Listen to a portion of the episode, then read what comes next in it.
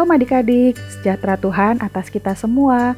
Tante berharap di mana pun kalian berada, sukacita dan kemurahan Tuhan melingkupi adik-adik dan keluarga kalian.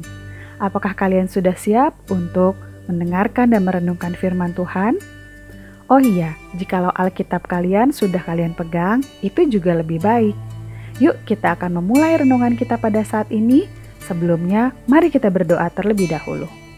Bapa kami yang di surga, Bapa kami yang baik, kami bersyukur untuk hari ini Tuhan, karena kami dapat bersama-sama kembali untuk mendengarkan dan merenungkan firman-Mu.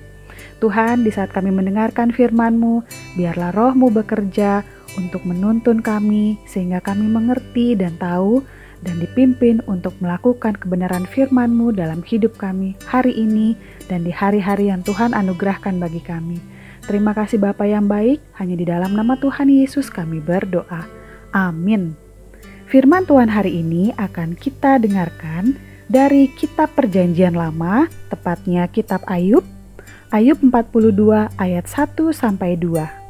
Ayub 42 ayat 1 sampai 2. Tante akan menuturkannya untuk kita semua. Beginilah firman Tuhan. Ayub mencabut perkataannya dan menyesalkan diri.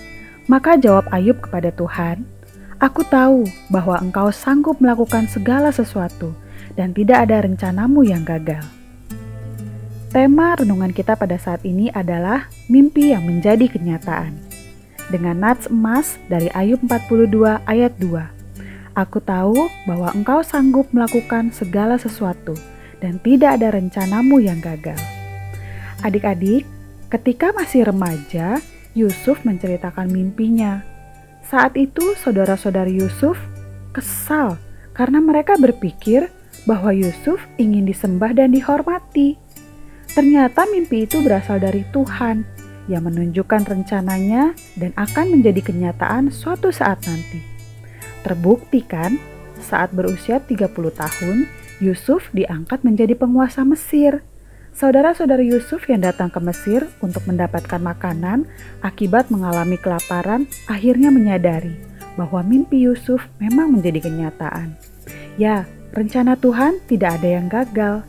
Yusuf benar-benar menjadi pemimpin atas saudara-saudaranya. Meskipun demikian, Yusuf tidak sombong dan tetap mencintai saudara-saudaranya. Mari kita juga belajar seperti Yusuf yang selalu rendah hati dan penuh cinta. Yuk, kita mau sama-sama katakan, "Aku mau menjadi anak yang penuh cinta." Sekali lagi ya, aku mau menjadi anak yang penuh cinta. Mari kita berdoa.